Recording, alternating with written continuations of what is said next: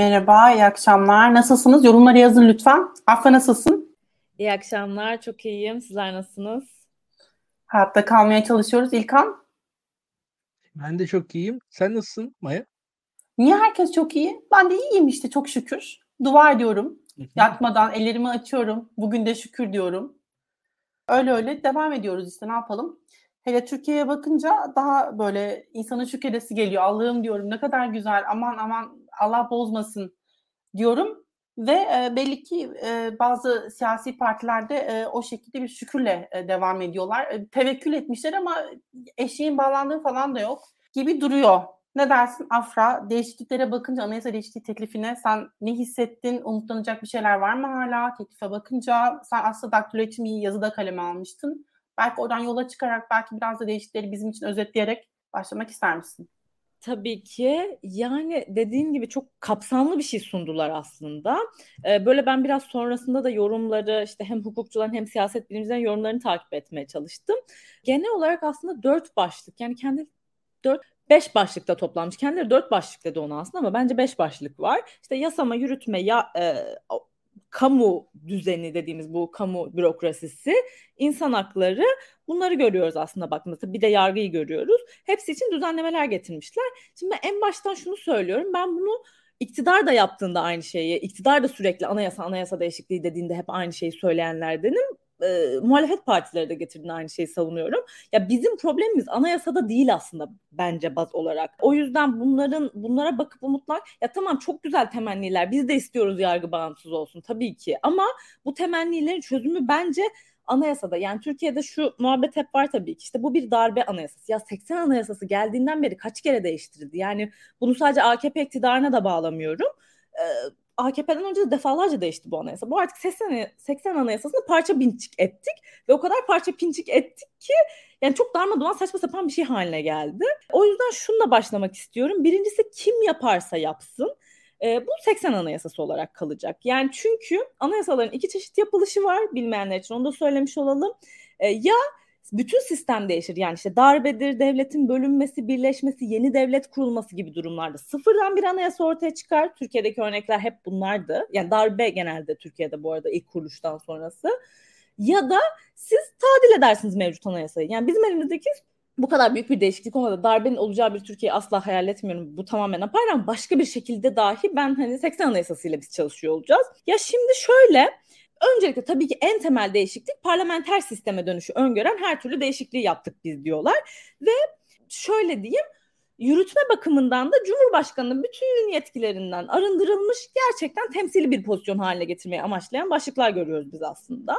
E, tabii bu kadar e, sistemde tekrar bir değişiklik yapıyor olmak ama bir öncekinden de daha önemsiz bir yani Cumhurbaşkanı iyice sıfıra sıfır sadece var bir insana dönüşüyor. Ya buradaki benim en aklıma takılan bu kadar sert bir parlamenter sisteme dönüyorsak ve Cumhurbaşkanı tamamen yetkisiz istiyorsak o zaman neden hala Cumhurbaşkanı'nın halkın seçtiği bir yöntemi benimsiyor mesela altılı masa? Bunu ben anlayamadım. Dünyada bunun örneği yok bu arada. Ee, bunun birkaç siyaset bilimcinin yorumu ıı, şöyle oldu. AKP biliyorsunuz getirmişti Cumhurbaşkanı'nı halkın seçtiği sistemi. Bakın sizin elinizden alıyoruz alacaklar. Sizin temsil yetkiniz düşecek hissini yaratmamak için herhalde bunu tutuyorlar diye düşünüyorum. Ama bunun bir mantığı yok. Eğer parlamenter sistemi bu kadar katı bir parlamentere dönüyorsak ve Cumhurbaşkanı bu kadar yetkisiz olacaksa bence o şey olmalı. Yani halk tarafından seçilmemeli. Çünkü halk tarafından seçildiği müddetçe çok da farklı bir şey olmayacak. O gücü kullanacak elinde. Ee, Aslında bu... Avusturya'daki sistem e, benzeşiyor diyebilir miyiz belki? Dünyada evet. örneği yok dedin ama Evet evet tabii ki tam yüzde yüz örneği yok anladım. Avusturya benziyor. Yine başka benzer versiyonları da var ama hani daha çok devlet başkanının çoğu seçildiği pozisyon bir de başkanlık sistemini çağrıştırır aslında. Tabii ki istisnaları her yerde farklı modeller var. Avusturya iyi bir örnek doğru söylüyorsun. Ee, ama ben Türkiye'dekinin amacını teknik bir yorumdan ziyade tam olarak bu politik doğruculuk olarak düşündüm baktığımda. Ee, burada şurada belki bilmiyorum yine sen ne düşünürsün anayasa hukukçusu olarak ama orada Cumhurbaşkanı'nın birden fazla kez seçilemiyor olması da Cumhurbaşkanı'nın bir popülerite yarışına girmeme ihtimalini doğurur mu? Ama biz şunu da biliyoruz yani fani dünya değil mi? Hani ne yazarsan yaz sonuçta her şeyi değiştirmek mümkün. Her ne kadar e, gereken çoğunluk daha fazla bir rakamı e, bulmayı teşkil etse de yani böyle bir e, rakam gereği e, oluyor olsa da bilmiyorum ne, ne söylersin katılır mısın? Kesinlikle katılıyorum. Yani çok değişik bir durum söz konusu oluyor. Bir dönem olması ya Türkiye'nin geçmiş tecrübelerine bakınca bunun istenmesini ben anlayabiliyorum. Ama diğer taraftan da dediğin gibi yani bu iki yıl sonra değişince ne olacak? Değişebilir, o olabilir, bir sürü şey olabilir. Ve e, tabii buradaki bu arada gerçekten çok temsili bir pozisyon olacağı için e, belki mantıklı olabilir tek dönem. Yoksa ben şunu savunuyorum yani e, çalışmasını istiyorsanız bir insanın bir tık daha bir daha seçilebilme yani o popülerlik önemli oluyor hele halk seçtiği pozisyonlar için ama biz zaten çok temsili bir sistem öngörmüşler burada. Ee, diğer bu partiyle ilişiği kesilecek noktası bu eskiye bir dönüş aslında ve bence doğru. Çünkü yani ben bunu kendim izlerken yaşıyorum. Gerçekten eleştirinin dışında söylüyorum. Bazı konuşmaları Cumhurbaşkanı olarak mı dinliyoruz yoksa AK Parti Genel Başkanı olarak mı dinliyoruz? Böyle çok farklı. İkisi çok farklı pozisyonlar. Bence onda zaten geriye dönmeliyiz. Ama parti odaklarından gelecek ve halkın oyuyla seçilen biri pratikte bunu koparabilir mi? Bence çok zor yani. Gölge bir başkan atarsınız partinin başına arkadan X, Y, Z fark etmez her parti için söylüyorum. Bence devam eder.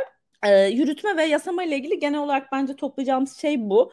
Yargı ee, için bir, bir şey daha belki bu noktada bilmiyorum izledim mi okudum mu ama e, orada Serap Yazıcı'ya sormuşlar neden e, Fatih Altaylı'nın programında mı sorulmuş Nevşin Mengü'de mi dinledim? Öyle bir şeyler olması lazım. Orada şey geçiyordu. E, Serap Yazıcı cevap vermiş. Hani e, biz bunu taslak olarak hani şey yaptık. Tabii ki her şeyi konuşmaya açız. İyi en kötünün düşmanı mı, en iyinin düşmanı mı öyle bir cümle ama değişime kapalı değiller ama gerçekten garip e, anayasa tekniği bağlamında da hem Türkiye gibi e, artık bu kadar e, baskıcı bir rejimi deneyimlemiş ve Cumhurbaşkanı görevinin ne kadar e, böçüründen çıkabilen bir pozisyon olduğunu deneyimledikten sonra hala halka seçtirmek bir soru işareti. Ne düşündüklerini bilmiyorum. Belki siyasi olarak bir planları var. Ya not düşelim. Sen lütfen devam et. Yargı başına geçeceksin. Aynen. Yargıya geçersek önden de bakıyorum. Hani tabii ki çok şey var bu arada. Çok kapsamlı bir çalışma yapmışlar. Her şeyden önce bunu yazıda da dedim. Yani hedef demokratikleşme ise bu oy kullanmak oy içinde olabilir bilemiyorum. Ama her halükarda demokratik bir çalışma var ve ne olursa olsun Türk siyasi tarihinde altı partinin bir araya gelip bir şey çıkarabilmesi çok önemli bir şey. Hedefledikleri de güzel işler işlemezi göreceğiz hep beraber olursa bir gün. Yargıda ben şeyi çok doğru buldum. O bence önemli bir adımdı. Coğrafi teminat getirilmesi. Bilmeyenler yani hukukçu olmayanlar için özetlemek gerekirse basitçe süremiyorsun. Çünkü yani gördük çok yakın zamanda bu gezi kararlarında işte birkaç Canan Kaftancıoğlu davasında gördük ki aykırı oy kullanan, siyaseten doğru bulunmayan oyu kullananlar sürülüyor genel tabirle. Ya buna karşı coğrafi teminat çok uzun yıllardır herkesin söylediği bir şey. E, umarım gerçek olur. Çünkü bu bu arada mevcut iktidarın da defalarca bu anayasa değişiklik yok, insan hakları paketleri, yargıda reform paketlerinde hep bahsi geçer. Bir karşımıza gelemedi. Umarım yani iktidar muhalefet kim olacaksa birinden artık bunu görürüz. O güzel olmuş. Bu bizim çok problematik yapı dediğimiz hakimler, savcıların özlük haklarını belirleyen kurumu ayırmışlar. Bu da bence doğru. Ve şöyle de bir şey demişler. Yani burada kimin nasıl seçileceğini, bu kurul üyelerinin seçimlerine ilişkinde daha demokratik ve TBMM aracılığıyla bir yöntem öngöreceklerini bazı üyeler açısından. Ya şu an bazı üyeleri hatta çok ciddi sayıdaki üyeyi Cumhurbaşkanı doğrudan atıyor yani ve bu yani yürütme artık yargıda ne yapsın? Hani bu biraz Amerikan modeli ama bizde tam Amerikan sistemi başkanlık yok. O yüzden ı-ı, işlemiyor yani. Burada AYM'ye geçersek Anayasa Mahkemesi Türk hukukuna çok önemli bir şey ve özellikle bireysel başvuru noktası da anayasa değişiklikleriyle yakın tarihimizde aslında girdi. Hani bu da e, AK Parti'nin iyi yaptığı bir şeydi açıkçası. Bence Türkiye'de gerekli bir şeydi. Şimdi burada üye sayısını 15'ten 22'ye çıkaracağız demişler. Yani o sayı ile ilgili başkan hariçtir diye düşünüyorum. Çift sayı yapılmaz çünkü. Ve şimdi bunu takip edenler bilecektir. AYM başkanı sürekli her yerde çıkıp çıkıp iş yükümüz çok fazla, iş yükümüz çok fazla. Bunu azaltmamız ya haklı. Gerçekten inanılmaz bir iş yükü var. E, yetemiyoruz diyordu. Burada şimdi sayı arttırmanın e, altılı masanın öne sürdüğü gerekçesi iş yükü. Ama arka planda Amerikan mahkemelerine ya da geçmiş yıllarda AKP'nin Anayasa Mahkemesi'nde yaptığı değişiklikleri takip edenler bilir ki e, burada da altılı masanın amacı mahkemeyi paketlemek hukuki tabirle. Yani siz kendi atayacağınız, kendi misyonunuza yakın sayıdaki üyeyi arttırmak için bir sayı belirlersiniz. Yeni üye atayarak çünkü biliyorsunuz ki Amerika'da da öyledir ve çoğu ülkede öyledir. Yani birçok ülkede ölene kadar bizim gibi bazı sistemlerde belli bir yaşa kadar yani, yani nasıl diyeyim görevden alamazsınız işte başka bir şey yapamazsınız yani. O yüzden bir giren kaldığı için sürekli emekli olana kadar e, sizin orada ağırlığınızı, siyasi görüşünüzü arttırabilmenin tek yolu paketleme dediğimiz sayıyı arttırırsınız. Yeni üyeler sizin kanadınızdan girmiş olur. E, bu aslında arkadaki amaç bence açıkça bu. E, yani benim kişisel görüşüm şu. E, sayı arttırmak sorunu çözmeyecek. Yani siz yüzlerce de hakim atasanız e, bu iş yüküne gerçekten kimsenin yetişmesi mümkün değil. Dedim ya bu paketle ilgili benim temel şeyim sözde güzel de uygulama olmadıkça hiçbir manası yok.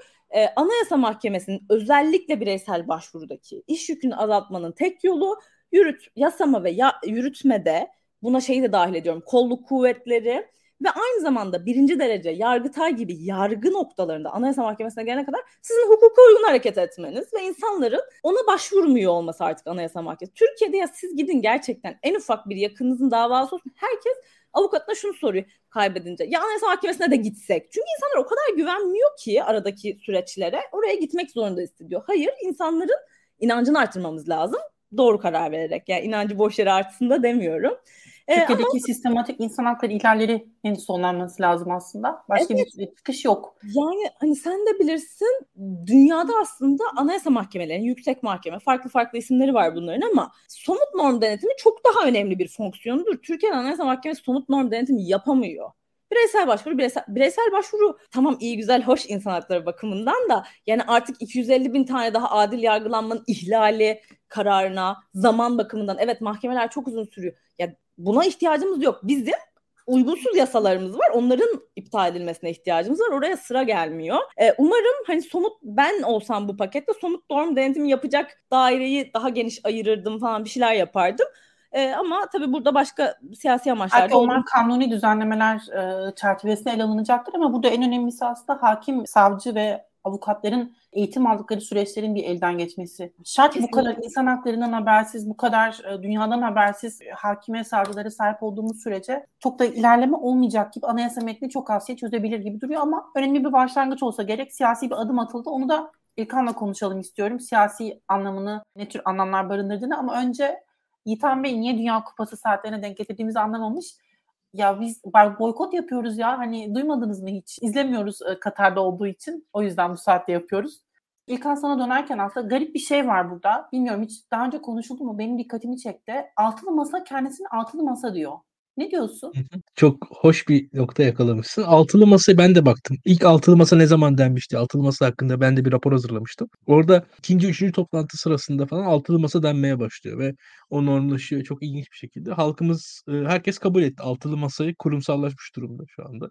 Hatta ya muhtemelen altılı masaya altılı masa denmesi zaten en son bu Bağımsız Türkiye Partisi'de alınmamıştı hatırlıyorsun. Orada bu altı sayısının bir demek ki artık anlamı, önemi var. Bir parti çıkana kadar yeni bir parti girmeyecek herhalde altılı masaya en azından. Onu görebiliyoruz. Gerçekten insan kulağı ve o dilin dönüşümü açısından bence güzel bir örnek. Ben Afra'nın dediklerinden çok faydalandım ve e, özellikle getirdiği eleştiriyi çok önemli buluyorum. Bunun bir defa da ben altını çizeyim. Gerçekten de bir anayasa değişikliklerine bakıldığı zaman bizim gibi amatörler de bakıyorlar anayasa değişikliklerini okumaya çalışıyorlar. Orada ya bir ruhunu görmeye çalışıyorsunuz. Siz o ruhun içerisinde halkın seçmesi yok Cumhurbaşkanı'na. Ve halkın seçtiği bir Cumhurbaşkanı ister istemez müdahil olur Türkiye şartlarında. Yani ben Cumhurbaşkanı olsam %51 oy almış bir insan olarak %25 de başbakan olmuş herhangi birine karşı sen ne kadar oy aldın arkadaşım diye bir soruyu sorarım gibi geliyor bana. Yani hani Türkiye'de herhangi bir kriz durumunda, herhangi bir kaos durumunda, herhangi bir hükümetin diyelim ki biraz yalpaladığı bir anda o Cumhurbaşkanı %51 oyu da hele hele arkasında varsa kesinlikle öne çıkar. Türkiye'nin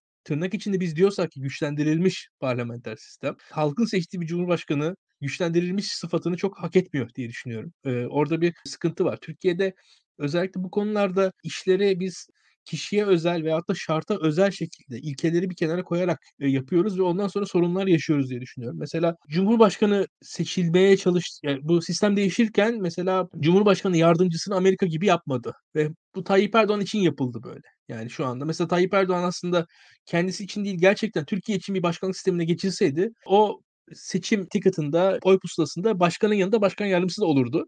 Ve o da aslında şu anda Türkiye'deki tüm sistemi bayağı rahatlatır bir noktada olurdu. Yani biz Kılıçdaroğlu diyelim ki Meral Akşener, Akşener pusulasını görebiliyor olsaydık şu an tüm adaylık tartışmaları çözülecekti aslında.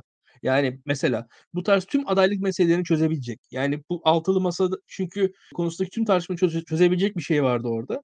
O şey sırf Tayyip Erdoğan, Tayyip Erdoğan'ın bir yardımcısı, Tayyip Erdoğan'ın dengi bir insan ister istemez orada konumlanmış olacak yardımcısı. Tayyip Erdoğan ise yardımcısını mümkün olduğunca düşük profil, kimsenin tanımadığı bir bürokratı seçti. Özellikle siyasi geçmişi de olmayan. Bu da Erdoğan'ın Erdoğan'a has bir tercihiydi. O da Erdoğan'ın biricikliğini ortaya koyan bir şeydi. Ne yazık ki bu Erdoğan'ın biricikliği Türkiye'de anayasada anayasa yapılırken ortaya kondu. Bunun sonucu da e, şu anki sistemde öyle söyleyeyim. Şu an biz mesela Cumhurbaşkanlığı sistemiyle devam edecek olsak da bu yüzden her zaman çok büyük sorunlar çıkacak. Yani Cumhurbaşkanı ve yardımcısı e, aynı şekilde seçilmediği için Cumhurbaşkanının altındaki herkes Cumhurbaşkanına bir şekilde tabi olduğu için Türkiye yani biz diyelim ki sistem değişmedi ve böyle gidiyoruz. Ya 2032 seçimlerinde de sorun çıkacak aday kim olacak diye ve, ve gayet kaoslar ortaya çıkacak diye düşünüyorum. Bu şekilde yapılan değişiklikler yani kişiye özel yapılan değişiklikler anayasa gibi ister istemez yapısı gereği anonim olması gereken, yapısı gereği şahsa değil aslında ilkeler üzerinden gelmesi gereken. Hatta zaten biraz da böyle olduğu için ben mesela anayasa hakkında konuşabiliyorum. Ben ceza kanunu hakkında o kadar konuşmam. Yani anayasa hakkında kendimi daha cesur hissediyorum. Yani bu bu yüzden çünkü şöyle bir şey var. Bu daha genel kavramlar içermesi gerekir ki anayasa zaten biz o yüzden konuşabiliyoruz burada. Ben en azından bu, bunu anayasanın içerisinden çıkartıp siz böyle çok özel şu anki duruma yönelik bir şekilde anayasayı yaparsanız ciddi şekilde sıkıntı olur.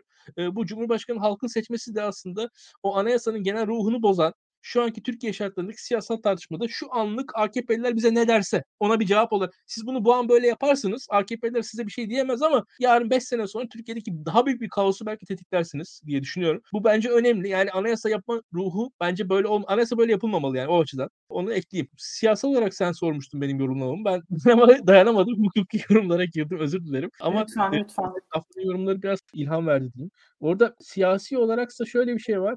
Tabii ki bu anayasa nasıl bir anayasa iddiası bu altı partiyi, tüm muhalefeti genel anlamda bir araya getiren bir şey. Bu anayasa meselesinde nasıl sistem, en ideal sistem konu. Yani şu anki sistemi biz kendi içerisinde eleştirdik. Hepimizin kafasındaki en ideal anayasa daha da farklı da olabilir onu da söyleyeyim. Ama şu an muhalefeti bir araya getiren ana şey Cumhurbaşkanı sistemine olan karşı. Bu altı parti ister istemez parlamenter sistemde kendilerini var edebilirler. Çünkü Cumhurbaşkanı sistemi devam ederse de Türkiye öyle ya da böyle iki partili belki iki buçuk partili bir sisteme doğru evrilecek. E, bu altı partinin de ayakta kalamayacağı açık uzun vadede. Eğer Türkiye 30 yıl boyunca bu sisteme devam ederse Türkiye'de öyle 10 tane büyük parti olacağı olmayacağı açık. Fakat e, şunu söylemem lazım burada madem böyle bir değişiklikten bahsediyoruz biraz da ciddi konuşmak lazım. Siz eğer anayasa yapacaksanız HDP nerede? Yani çok net bir şekilde HDP nerede? Bu anayasayı nasıl geçireceksiniz parlamentodan? Yani burada bu, bu soru ortada. HDP sizde ya bu 80 küsür maddenin 80'ine evet dedi. iki maddede de şu şu değişiklikleri ben nakşedeceğim bu değiş- anayasa değişikliğine dedi. O zaman ortalığı nasıl karışacağını biliyoruz. Türkiye'nin ben 90'lardan beri e, anayasa tartışmalarını izleme şansına sahibim.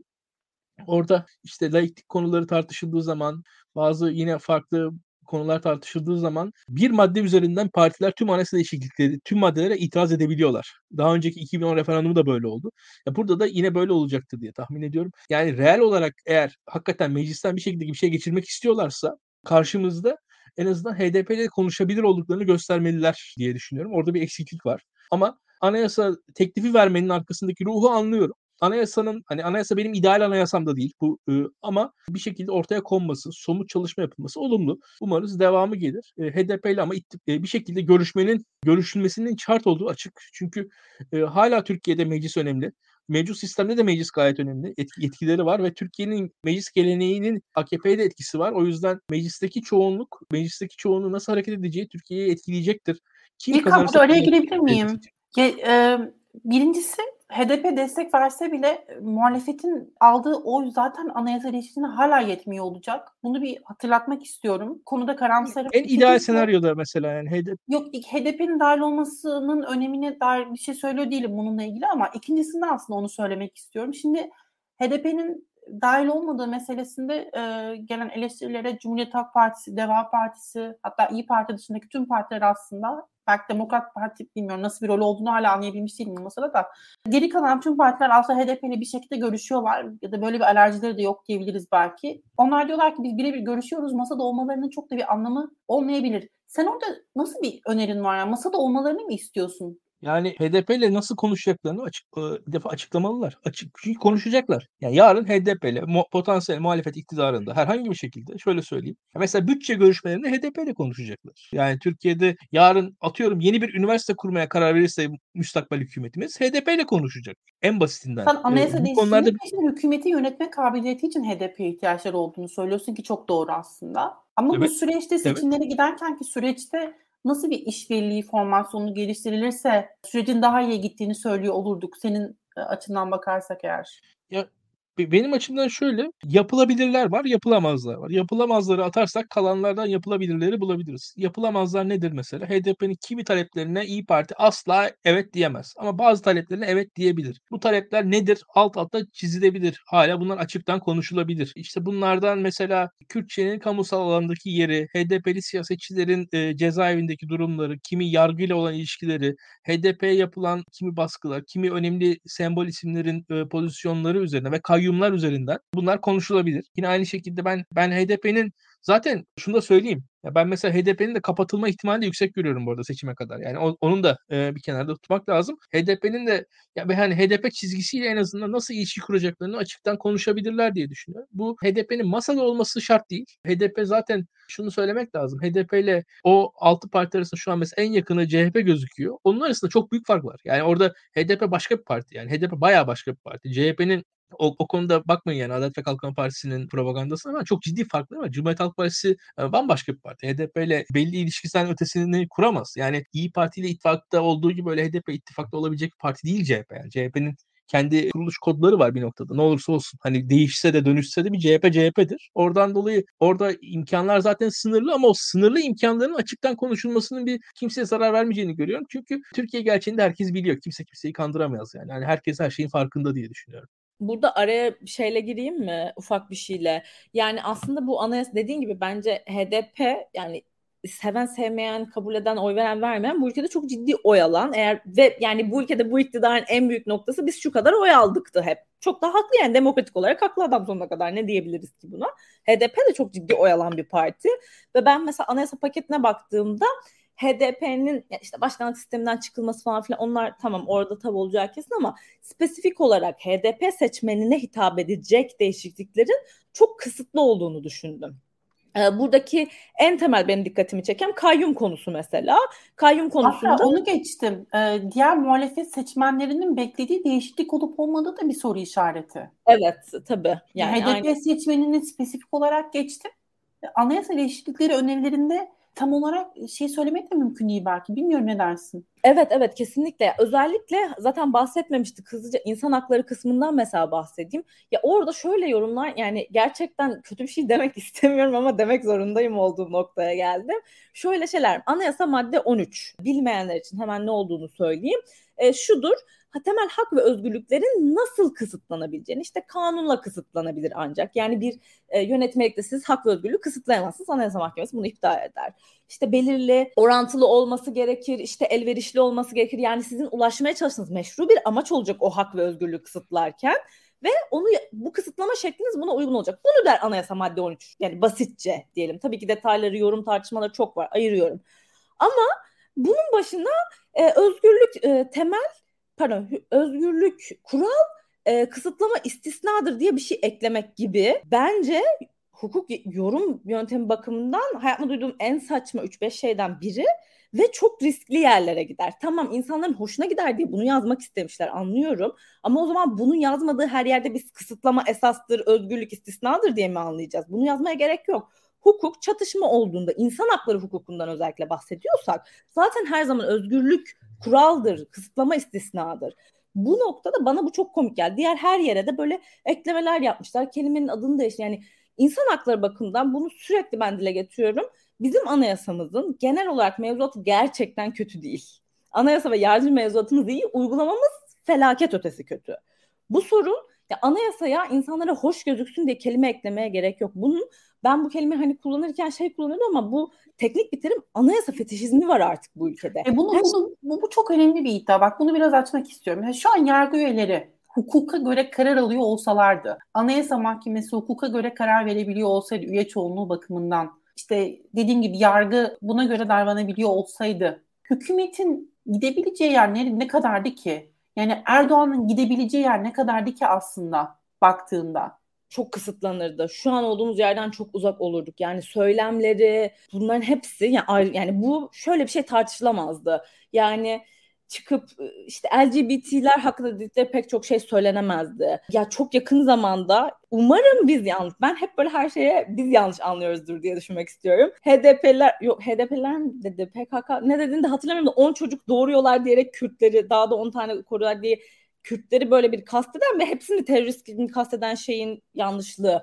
Sokaklarda yapılan eylemlerin o kadın hakları günlerinde kapattıkları yolları zaten sınır kontrolünde yapsalardı bu önlemleri. Kontrollü göçten bahsediyorum. Yani ben göç olmasın diyenlerden hiçbir zaman olmadım. Kontrollü göç politikası yapsaydınız bizim eylemlere uyguladığınızı zaten ülkede daha az sorun olurdu. Ya bu eylemlerde polis gücünü kullan bunların hiçbiri yapılamazdı. Yok efendim ben işte bilmem ne valiliğinin emri var burada şehirde 48 saat bütün eylemleri yasakladım. Ya böyle bir şey olabilir mi? Covid zamanı alınan bütün tedbirlerin hepsi anayasaya aykırı. Çünkü ortada bir o hali yok. Kanun mu vardı? Pandemi kanunu diye bir şey mi çıktı? Ben kaçırdıysam bilmiyorum ama kanunsuz bir şekilde ha, bu arada dedi, yani ben pandemi döneminde maske işte mesela bunların hepsini destekleyenlerdendim ama hepsi anayasaya aykırı. Bunu bu şekilde yapamazsınız. Yani ve hep şunu söylüyorum ben bir şeyi siz önünü açarsanız yani bu pandemi gibi çok mantıklı ve gerekli bir durumda bile buna sesinizi çıkarmazsanız bu insan hakları hareketi işte o başka şeylerin önünü açıyor. O yüzden özgürlükler herkes içindir noktası var. İşte buraya gidemez ya. Bizim mevzuatımız insan hakları bakımından konuşuyorum. Çok kötü bir mevzuat değil. Değiştirilebilecek tabii ki şeyler var ama yıllar içerisinde geldiğimiz noktada insan hakları bakımından Hatta biz şunu tartışırız yani. Normalde biliyorsunuz anayasada bir madde var. Hatta altılı masa onu uygulamaya geçiriyor. Şey diyor. İnsan hakları bakımından, temel hak ve özgürlükler bakımından milletler arası anlaşmayı da anayasa yargısına bir ölçüt olarak al diyor. Bu güzel bir şey. Çünkü bizde insan hakları bakımından sözleşme varsa o yukarıdadır diye bakılıyordu aslında. Yani açıkça yazıyor anayasada. Ama şöyle bir şey var. Bazen biz şunu tartışıyoruz. Ya bizim iç mevzuatımız daha güçlüyse? Çünkü olduğumuz yani şöyle diyeyim mülkiyet hakkı bakımından daha uluslararası mevzuattan daha iyi olduğumuz noktalar var. Ya o zaman hangisini uygulayacağız tartışıyoruz. O kadar gerçekten aslında iyi bir standarda yakın yazıda ama uygulanmıyor. O yüzden ben sorunun altını masanın burada oraya buraya kelime eklemek yerine insan hakları bakımından birkaç temel şey değiştirirsiniz ve dersiniz ki aslında bunlar şey ve biz yargıyı öyle bir hale getireceğiz ki bunlar uygulanacak demesini beklenirdim.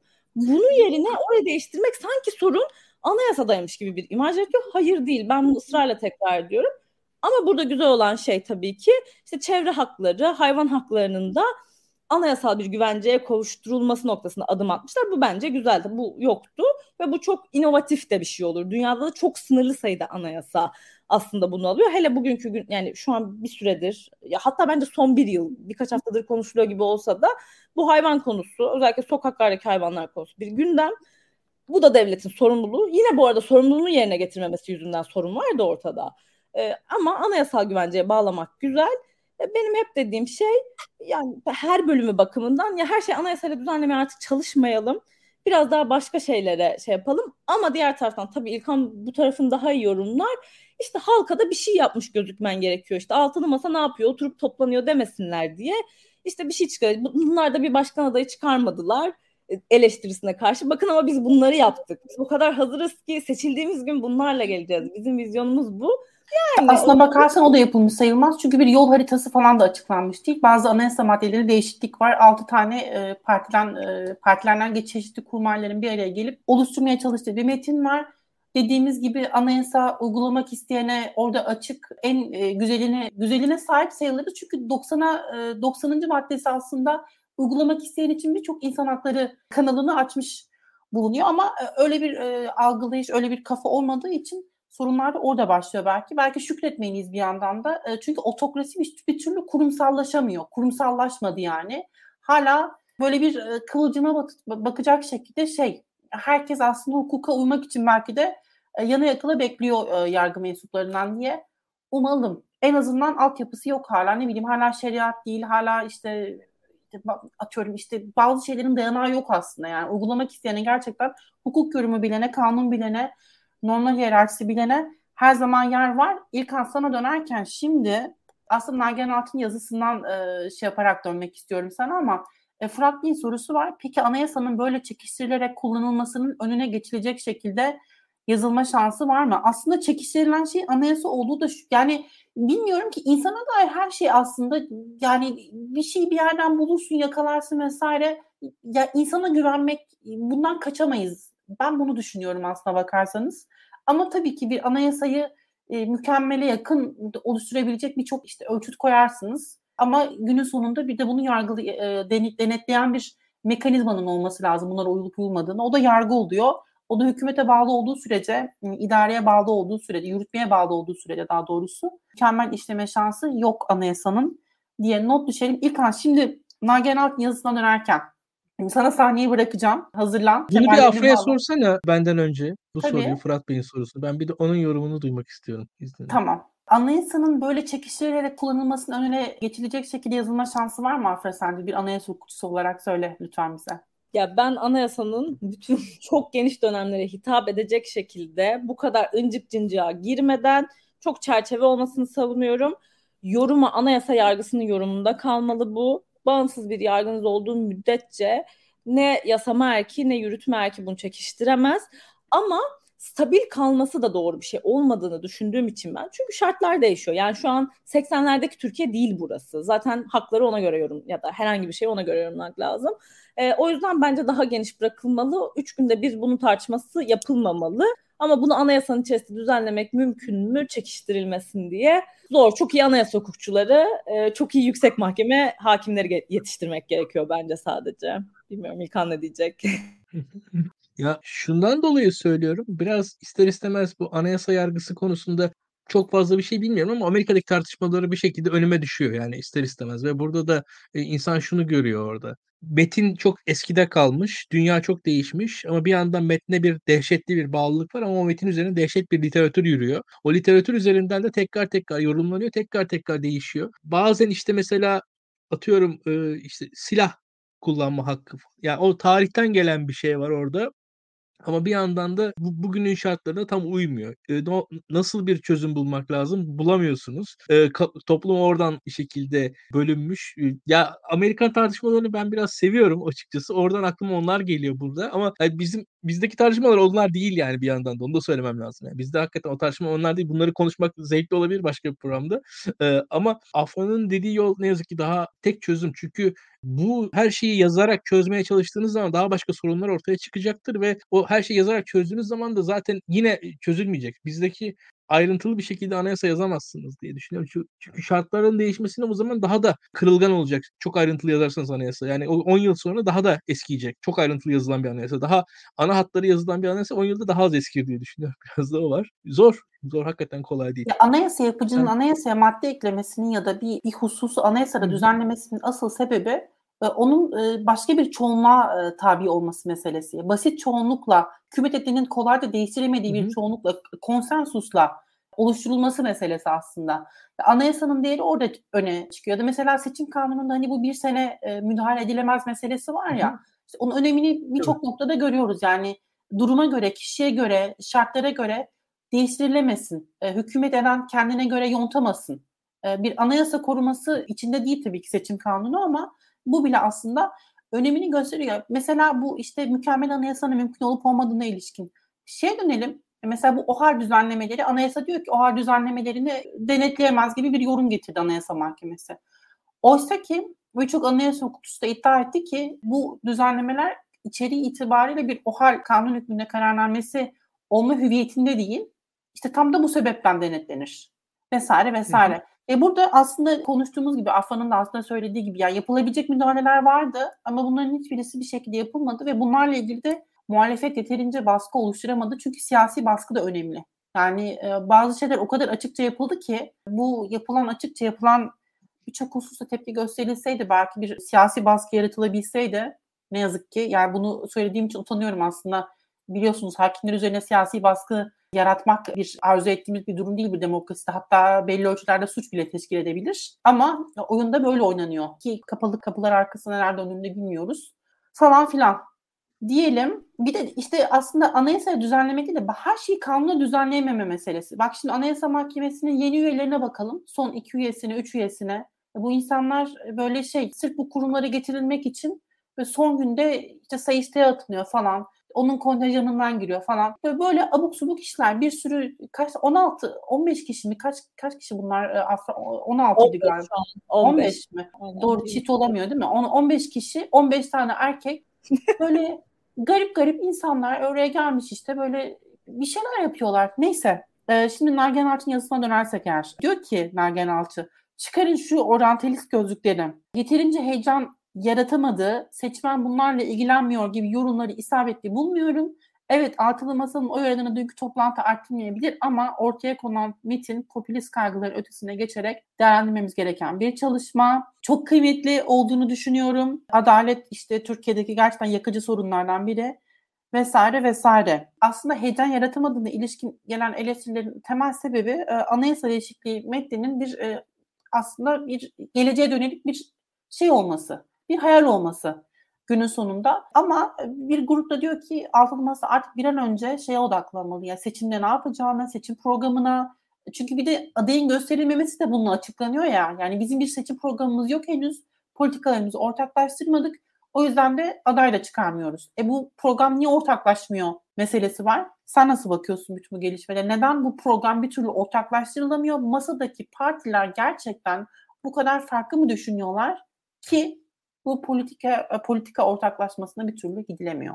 Ne dersin? Şimdi 2-3 şey söyleyeceğim. Birincisi sistemin kendisinden gelen bir çıkar iki tane çıkar farklılaşması var partiler arasında. Kişisel olanların ötesine söylüyorum. Birincisi Türkiye'de geniş bir muhalif çevre var. Bu geniş muhalif çevre iktidarı almak istiyor evet. 20 yıllık bir Erdoğan iktidarının bir şekilde sonlandırılmasını istiyor. Burada bir ortaklık var. Bu Erdoğan iktidarını bitirme konusunda da bunun teorik çerçevesi Cumhurbaşkanlığı sistemiyle Erdoğan'ı özdeşleştirerek bu sistemi değiştirmeyle biraz birazcık sistemsel hale getiriyorlar ve bu birliktelik biraz daha kurumsallaşıyor. Bunu da ekleyelim. Tamam. Ama bunun nasıl yapılacağı sorusunda bir şekilde partiler ayrışıyor. Nasıl ayrışıyorlar? Erdoğan'ı HDP'nin desteğiyle mi HDP'nin desteği olmadan mı e, indireceğiz sorusu var birincisi. Yani yeneceğiz sorusu var. Burada burada zaten bir öyle bir ayrışma var. Burada zaten adayların kimlikleri, kişilikleri ve siyasal pozisyonları tartışılmaya başlanıyor. Bir, bir nokta bu. Bir diğeri şu. Kim olursa olsun bu seçimi bir kişi kazanacak eğer muhalefet kazanabilirse. Kim olursa olsun. Şimdi bir kişi kazanacağı için de bu seçimin kendisi de aslında Türkiye'yi iki parti sisteme doğru götüren bir şey olacak. Bir bir köşe taşı olacak.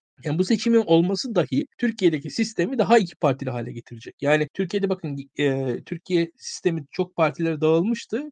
Yerel seçimler oldu genel seçimde bir baktınız İstanbul'da CHP %54 aldı. CHP'nin İstanbul'da %54 almasının mantığı, açıklaması falan yoktur. Ama şu anki mevcut siyasal iklim CHP'yi 54-50 alır hale getirdi yani bir şekilde İstanbul gibi bir şehirde. CHP'nin tarihinde neredeyse öyle bir oy yok. Şimdi bu yüzden mevcut sistemin kendisi de küçük partiler aleyhine sürekli tırtıklamaya devam ediyor. Yani sistem sürdükçe, e, adaylık oldukça ya sistem iken ve zaten anayasa değişikliği de zaten mevcut sistemi değiştirip o küçük partileri tekrar var edecek bir e, yapıyı oluşturmaya çalışıyorlar. Orada da niyet o. Hatta Cumhuriyet Halk Partisi neden bunun yanında duruyor? Aslında orada da şöyle bir faktör var. CHP aslında mevcut sistemden de bir ölçüde nemalanabilecek bir parti. En büyük muhalefet partisi olduğu için. Ama CHP açısından şöyle bir şey var. Adalet ve Kalkınma Partisi'nin bölünmesine yol açacak bir ortam yaratabilir miyim? Adalet ve Kalkınma Partisi kitlesinin dağılmasını sağlayacak. Erdoğan'ı yendikten sonra ortam yaratabilir miyim düşüncesi var parlamenter sistemle beraber. Ortada biraz o taraflar var aslında uzun vadeli bakarsanız. Ee, yani orada şu var orada ve bu yüzden de ittifak kurabiliyor. Yani parlamenter sistemde anlaşılabiliyor. Ama ne olursa olsun CHP de aslında bir yandan memnun. Yani İstanbul'u da bu kutuplaşma sayesinde CHP alabildi bir yandan. İstanbul bu kadar kutuplaşılmasaydı Cumhuriyet Halk Partisi İstanbul Belediyesi'ni alamazdı. Ben 2000'lerin başlarında İstanbul'daydım. Yani bana sorsalar Adalet ve Kalkınma Partisi Türkiye'de iktidarı kaybeder İstanbul'da kaybetmezlerdim. O kadar İstanbul'a la özdeş bir parti Adalet ve Kalkınma Partisi. Onu söyleyebilirim. Yani İstanbul bayağı AK Partili bir yerdi. Ama ona rağmen kutuplaşma sayesinde İstanbul'dan bir CHP iktidarı çıkabildi. Ve bir şekilde CHP nemalanıyor bu süreçlerden de. Onu da söyleyeyim. Bunun yarattığı da bir iç çelişki yapısal bir şey. Yani bunu, bunu biz değiştiremeyiz. Burada o yüzden bir şekilde CHP ile diğerleri arasında bir çelişki de her, illaki olacaktır. Bunun dışında tabii kişisel beceriksizlikler, kişisel kaygılar, kişisel ego savaşları bunlar da var. Bunları ben şu an çok yorumlamıyorum ama, ama teorik olarak bu iki nokta var. Yani dediğinde. Bu yüzden her zaman bir çelişkiler olacak burada. Bir Kürt meselesi, İkincisi de büyük parti küçük parti meselesi. Çünkü seçimi %51 ile biri alacak. E, e, %51 ile alan da %51 ile ben aldım diye sokakta dolaşacak ister istemez. Ve o %51 ile almış bir şekilde. Çünkü şöyle söyleyeyim biz ne nasıl büyüdük? Mesela Türkiye'nin yüzde bilmem kaçı yüzde yetmişi CHP asla oy vermez laflarıyla büyüdük. Doğru öyleydi de bir anda İstanbul'un %54'ü verdi. Yani veyahut Ankara'nın %52'si verdi. Bu bunlar bunların olmasını sağlayan koşullardı şu anda Türkiye'de. Bu son yerel seçimlerde. Benzeri Cumhurbaşkanı seçimleri olabilir. E bunun yaratacağı bir ağızlarında kekremsi bir tat var. Türkiye'deki tüm partilerin yani bu sistemde tamam bir aradalar ama neticede şu var. Yaptıkları ittifak acaba uzun vadede kendi lehlerine mi aleyhlerine mi? Onu da düşünüyorlar her parti diye düşünüyorum. Orada o yüzden bir iç çelişki hep aralarında olacaktır diye tahmin ediyorum. Zaten bu yüzden de o anayasa değişikliğine ihtiyaç var. O anayasa değişikliği teklifine ihtiyaç var. Bu ittifakın bu teklife ihtiyacının da temeli biraz bu anlattığım şey. Burada şu açıdan eleştirinde sen çok haklısın. Türkiye'de biz tartışıyoruz. İdealleri, güzelleri, işte anayasaları vesaire olması gerekenleri tartışıyoruz. Hani ottu bir tartışılıyor yani İngilizcesi. Ama şöyle bir durum var. Bizim karşımızda e, olması gereken en basit şey seçimin kazanılması aslında muhalefet açısından. Yani o bu şu falan değil. Olay seçimin kazanılmasına dayanıyor. Siz seçimi kazanmadıktan sonra istediğiniz kadar haklı olabilirsiniz. Haklı ama yenik olduktan sonra Türkiye şartlarında görüyorsunuz. Sonuçta bizde yasalar güzel de olsalar haklıları hani haklılar o yüzden çok önemli değiller. Çünkü yasalar birazcık daha eğrilebiliyor. Böyle yani yasaları siz birazcık daha şey yapabilir, kendinize uydurabiliyorsunuz. O yüzden haklı olmanız o kadar anlamlı değil. Türkiye haklı değil, galip olanın ve güçlü olanın aslında kazandığı bir yer. Türkiye'de herhangi işte bizim mesela yayınlarımız çok izlenmiyor. Neden? Güçsüzüz. Haksız değiliz aslında. Yani ama güçsüzüz. Ondan izlenmiyoruz. Öyle söyleyeyim. Yani burada o yüzden muhalefetin tabii ki senin dediğin gibi güçlü olmasına ihtiyaç var. Burada muhalefet o güç imajına ihtiyacı ihtiyaç duyuyor ve o eksik. Herkeste belli hayal kırıklıkları, tatminsizlikler var bence. Seçim sürecinde belki tamamlanır bu. Bilmiyorum. Ama şu da açık. Seçmenlerin biraz motive edilmesi gerekiyor olan bir tane. Yani seçmenlerin katılması gerekiyor. Çünkü biz bunun örneğini yaşadık. 31 Mart 2019, 23 Haziran 2019. Aynı İstanbul, aynı seçmenler, aynı ekonomi. Türkiye'de iki ay içerisinde iki farklı sonuç ortaya çıkabiliyor aynı seçmen kitlesinden. Demek ki ciddi şekilde fark var iki seçim arasında %4-5. Şimdi bu farkın oluşabildiği bir ülkede ya böyle bir fark aslında iki aday arasında da bir cumhurbaşkanı seçiminde bu kadar fark olabilir e, en azından. Aday seçimlerinin de bu kadar etkisi olabileceğini bize gösteriyor aslında. Yani %4-5 fark edebilir bir cumhurbaşkanı aday seçimi bile. Ben onu anlıyorum burada. E demek ki de aday da önemli ve birazcık daha seçimin kazanılmaya odaklanılması gerekiyor. Muhalefetin bir kısmında ekonominin kötülüğünden, Adalet ve Kalkınma Partisi'nin zaman içerisindeki popülarite kaybından, Türkiye'nin işte gençleşmesinden, gençlerin eğitimli olmasından, gençlerdeki işte Kürt sayısının oran olarak yaşlılara göre daha fazla olma, daha gençler muhalif Türkiye'de. Bunun etkisiyle ve kentleşmenin etkisiyle eğitim artmasının etkisi Adalet ve Kalkınma Partisi'nin oy tavanının düştüğünü ve Adalet ve Kalkınma Partisi'nin kaybetmesinin mukadder olduğunu düşünen bir muhalif düşünce var. Onun orada biraz fazla rahat bir kitle olabilir muhalefet içerisinde. Seçim nasılsa kazanılır. Yani biraz entelijansiya da sanırım seni de beni de ürkütüyor. Seçim nasılsa kazanılır diye bir şey yok. Evet seçim kazanacak bir so- o seçim kazanmanın arkasında bir sosyolojik gerçeklik var. O büyük kutuplaşma, o büyük bir araya gelme seçimi kazanır ama sonuçta adayın da önemi var. O motivasyonu sağlayacak kişi de aday olacak. Orada orada o eksiklik gözüküyor. Zaten altılı masanın temel eksikliği bu. Afra sana dönerken aslında biliyorsun terör saldırısı sonrası biz bir yayın yapmıştık ve başta İmamoğlu'nu atmıştık ama İmamoğlu'nu hiç konuşmamıştık. Belki o gün bugündür artık İmamoğlu'nu konuşma zamanı gelmiştir. Şimdi sana dönerken aslında masayla İmamoğlu'nun birbirine böyle zıt kutuplar haline mi gelip gelmediği meselesini biraz edelemeni isteyeceğim. Yani İmamoğlu'nun nezdinde bütünleşen bir işte halkla olma, halktan olma, işte toplumun popülaritesi, e, toplumda popülarite kazanmak için bir takım icraatlarda bulunma ve yaptığı siyasetle aslında bir nevi altılı masanın yaptığı siyasetten ayrışma güttüğünü belki gözlemlemek mümkün ve altılı masanın kurumsal olarak da böyle bir adaya çok yakın bakmadığını biliyoruz. Her ne kadar tüm partiler aynı fikirde olmasa ki zaten bu da muhtemelen adayın bir türlü belirlenememesiyle sonuçlanıyor. Sen hangi notların var bu konuda? Özellikle İmamoğlu'nun tekrar belirginleşmesi, tekrar sahneye çıkması noktasında neler söylersin? Yani İmamoğlu gerçekten ya bu arada benim hani ideal Cumhurbaşkanı adayım İmamoğlu mudur konusu tamamen ayrı. Ben çok idealistik bir insanım bu konularda ama Türkiye'de de hep işte İlkan biraz önce altın çizip duruyor. Ya kazanmanız lazım önce her şeyi. o yüzden kazanacak adaysa evet İmamoğlu olmalı tarafından bakanlardanım. Ya şöyle ya o yayından sonra da bir dönem biliyorsunuz İmamoğlu çok geriye çekilmişti ve hiç ya bir, bir buçuk ay hiç böyle sesini duymadık diye hatırlıyorum. Ya şimdi tekrar Hangi sahnede... dönem olduğunu da hatırlatmak ister misin? Ya bu davasının olduğu dönem herhalde değil mi? Başka bir şey denk gelmiş. Nagihan Alçı'nın zamanı diye ben hatırlıyorum. Ondan sonra değil mi? Evet. Ondan evet, sonra evet. çok dayak yedi tabiri caizse. Ve, ama sonra bakıyoruz ki Nagihan Alçı bütün programlarda var yani her taraftan herkes de hani o kadar dayak yedi yiyen İmamoğlu olmuş oldu gibi geliyor bana. Yani şöyle bir şey var sanki altılı masa bir bürokrat masası gibi davranıyor. Bu iyidir kötüdür ayırıyorum. Belki partilerin böyle olması gerekiyor da olabilir. İşte orada yok işte ne bileyim bürokraside şu sayıştayı şuraya yerleştiririz buraya. Diğer yandan İmamoğlu sokağa çıkıp insanlara sarılıyor. O yayının da başta İmamoğlu herkesi kucaklayabilir miydi? Yani son birkaç haftadır saldırı sonrası tekrar çok ciddi sahaya indi ve gittiği her şehirde çok aktif bir şekilde şeyde bulunuyor yani herkesi kucaklıyor gibi gerçekten. Yani özellikle bu işte dün müydü önceki gün müydü bir tane genç bir arkadaşımız kendisine işte burası Kartalkaya değil Düzce falan diyor böyle. Ve mesela onu bile çok iyi idare ediyor. Bugün başka bir görüntüsünü gördüm. Bir telefon bayi yani gibi bir yere. şey AK Parti Düzce Teşkilatı'ndan çıkmış bu arada. Evet. Aynen öyle çıkmış ya. Ama bu arada ben otomatikman o zaman da bunu bunun hakkında konuşurken onu dedim yani. ilçe teşkilatı bir çocuğu yollamıştır diye düşünmek gerek yok. Çocuk şey olarak da hissetmiş olabilir. Ben teşkilata iyi görüneyim diye böyle kendi kendi düşündüğü çok yaratıcı bir fikri de olabilir yani. Çünkü genç yani ve Türkiye'de 18 yaşının altındaysa gördüğü tek siyasi hayat bu ve düşünebildiği tek şey budur yani bu şekilde davranmak olabilir. İmamoğlu davranışlar bakımından ayrışıyor ama benim kendisine şu takdir ettiğim şöyle bir şey var. Ne zaman işte bunlar iki ayrı baş gibi basılsa işte haber basın, sosyal medya orada İmamoğlu çıkıp bir CHP'ye, partisine bağlılık gösteren bir açıklama yapıyor gibi bir durumu hep oluyor bence yani bir noktada. Zaman Kaftancı olduğu noktasından sonra da aynısını düşünüyor musun? Yok, orada mesela bir, orada bir şey var. Orada bir şey var. Or, evet yani hani oradaki açıklaması mesela hani otomatikman evet olmuştur gibi diyemeyeceği için tabii ki yapmış evet diyemeyeceği için ilk kez ben İmamoğlu'nda şeyi hissettim yani. Belli ki yapılmış bu ama diyemeyecek şu an bir şey kamu önünde. Yani çok nazik bir hanımefendi dememiştir öyle falan gibi. Hani çok geçiştirmeyeceğim. Ve normalde biliyorsunuz İmamoğlu hani hep bir şakaya vuruş yapar. Öyle bir şey yoktu yani farklı bir moddaydı.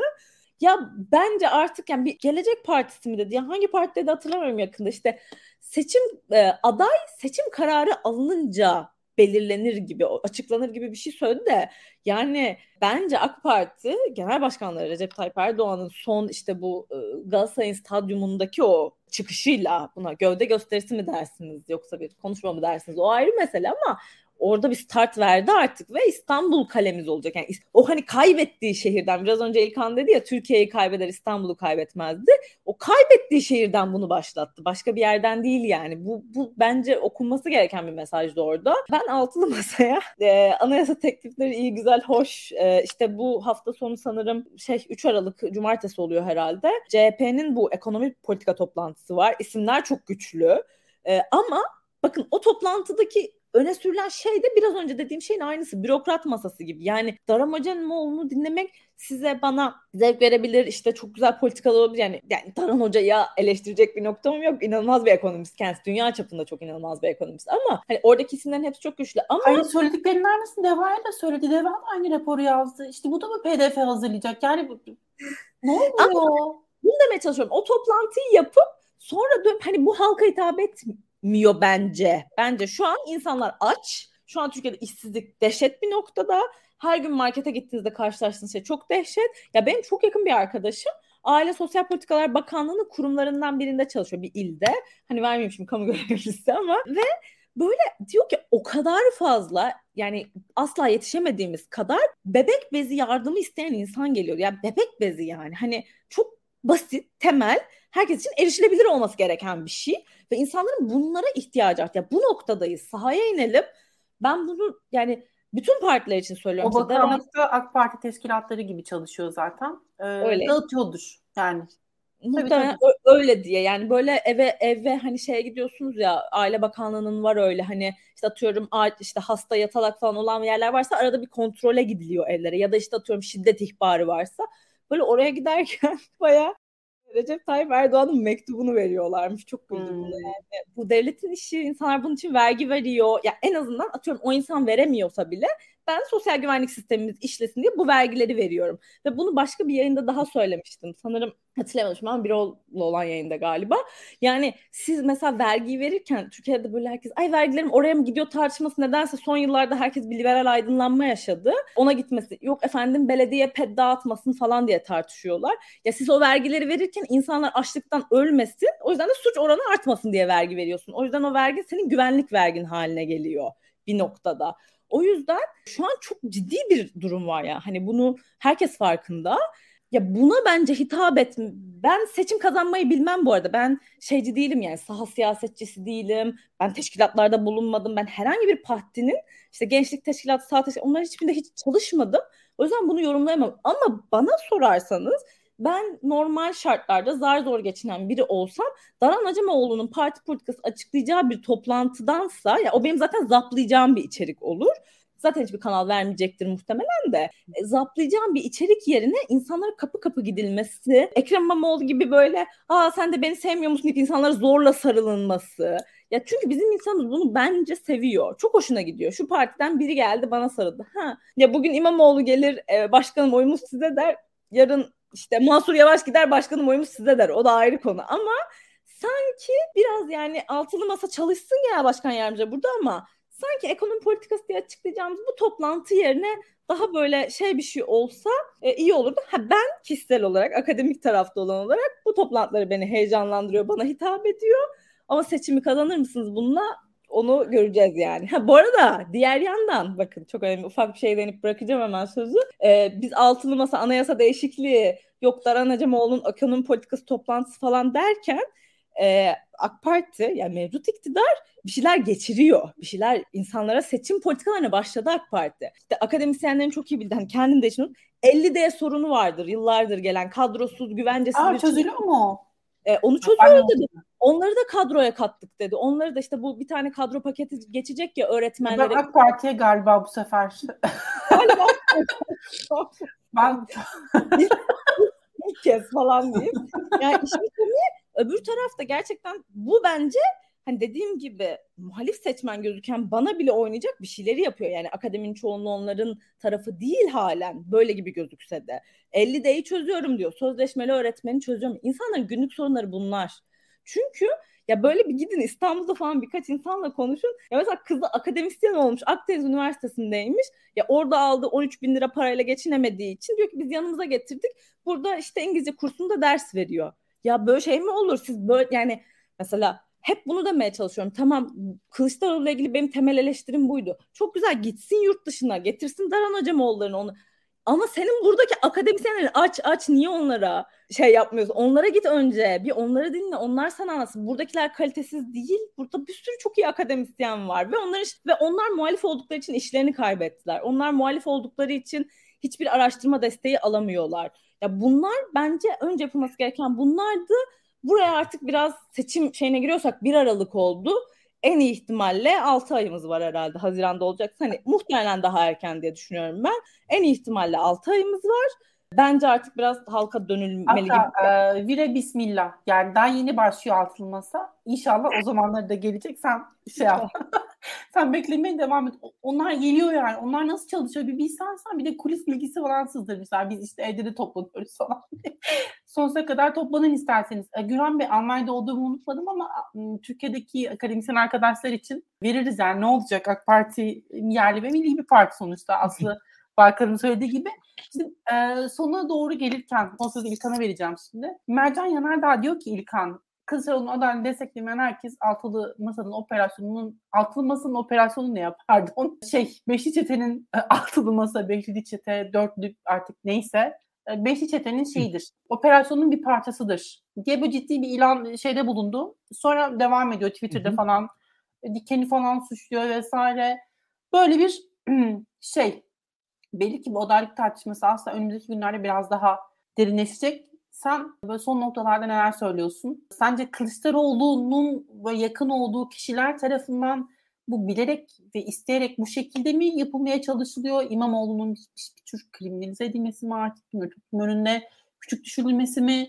Bunun sonu nereye varacak? Yani ümitsiz hissediyor musun bu konularda ne dersin? Ümit veya ümitsizlik demeyeyim ama şunu söyleyeyim yani gerçekçi olursam Ekrem İmamoğlu'nun Kılıçdaroğlu'na rağmen aday olma ihtimalini görmüyorum. Ya burada da Kılıçdaroğlu'nun da yani her ne kadar şahsi tercihler olabilir. Ya Cumhuriyet Halk Partisi Genel Başkanı yani Cumhuriyet Halk Partisi Genel Başkanı'nın aday olması sürpriz değildir. Seçimlerde. Bir, bir, bir onu söyleyelim. Kılıçdaroğlu'nu destekleyenlerin de Kılıçdaroğlu'nu desteklemelerini ifade etmelerinde de çok yani yanlış hatalı eksik görmüyorum. Ha şunu söyleyeyim. Kılıçdaroğlu'nun da kendi siyaseti var. O da beşli çete söylemi üzerinde mesela kuruyor kendisini. Bayağı sertleştirmişti geçen sene. Ondan sonra birazcık daha dağıldı. Bu söylemde de açıkçası Kılıçdaroğlu'nun söylemlerine yakın sert söylemler yok. O, o da yani bir siyaset yapıyorlar. Onlar da yapacaklar. Bana o, o, o kadar şey gelmiyor bana yani. Orada bir hata eksik görmüyorum. Aksine ya aynı söylemleri Ekrem Bey de söyleyebilir ve o zaman da aslında tüm bu eleştiriler de dışarıda kalır ki bakarsanız bir iki yerde benzer söylemleri de var. Yani mesela burada atıyorum işte Kanal İstanbul bağlamında Ekrem Bey'in sözleri falan e, Kılıçdaroğlu'nun ana, ana söylemlerine gayet uygun. Veyahut da işte Kılıçdaroğlu'nun mesela Londra'dan temiz para getireceği söylemleri, Ekrem İmamoğlu'nun kredi söylemleri gayet uygun aslında. Birbirleriyle uyumlu söylemler olabilecek şeyler. Burada e, çok inanılmaz çelişkiler de yok. As, aksine bu çel- burada bir muhalefetin içerisinde çelişki varmış gibi yaratmak çok e, hem doğru değil hem de iyi sonuç vermez diye düşünüyorum. Ha şu var ülke gerçekten 20 yıllık bir iktidarın sonunda o iktidarın gücünün etkisinden muhalefette olsanız da kaçamıyorsunuz. İşin öyle bir tarafı var. Yani orada kastedilen o. Yani siz muhalif de olsanız bir şekilde maddi olarak iktidar yapısının içerisinde yer alıyorsunuz. Yani hayatınızda yani ev alıyorsunuz. işte atıyorum bir kooperatife giriyorsunuz veyahut da bir yere ortak oluyorsunuz. Bir şekilde iktidarla temas ediyorsunuz maddi olarak. O söyleniyor. Ama bu, bu, bu tür temaslar falan o kadar günümüzün şartlarında iktidarı belirlemez diye düşünüyorum. Aksine yani neticede bu küçük meselelerin ötesinde iş şeye de gelecektir. Yani parti ve parti sisteminin çok dışına çıkılabileceğini düşünmüyorum ben bu konuda. Yani Ekrem Bey'in adaylığı meselesinde de bu parti sisteminin, parti hiyerarşisinin geçerli olacağını inanıyorum. Yani orada Cumhuriyet Halk Partisi'nin adayı olursa İmamoğlu bence aday olabilir. Yoksa yani böyle bir İyi Parti adaylığı falan öyle şeylerin ben e, ihtimal ve imkan içerisinde hayatın doğal akışında olabileceğini hukukçular var burada madem öyle biraz öyle tabirler kullanıyorum. Hayatın doğal akışında onun olacağına inanmıyorum yani kendi adıma. Ben daha ziyade İmamoğlu'nun eğer adaylık ihtimali varsa şudur. Kemal Bey'in bu iş açıklanacağı gün önünde anketler olacaktır. O anketlere bakar. Ona göre karar verir. Daha önce yani daha önce de yerel seçimde de böyle karar verdi. Genel seçimde de öyle karar verecektir. Kemal Bey muhtemelen kendisini ciddi anlamda önde görmezse de aday olmaz diye tahmin ediyorum. Benim öngörüm bu böyle olacaktır. Ağzınıza sağlık. İlkan, Afra çok teşekkürler değerli yorumlarınız için. E, yorum yapan izleyicilere de çok teşekkür edelim. Lütfen beğenmeyi unutmayın. Mirza Akdeniz'e teşekkür edelim. 10 lira bağış yapmış bize. Çok sağ olun. E, küçük ama anlamlı gerçekten. Tamam o zaman kapatalım yayını. E, çok teşekkürler tekrar herkese. Yarın görüşmek üzere. Görüşürüz.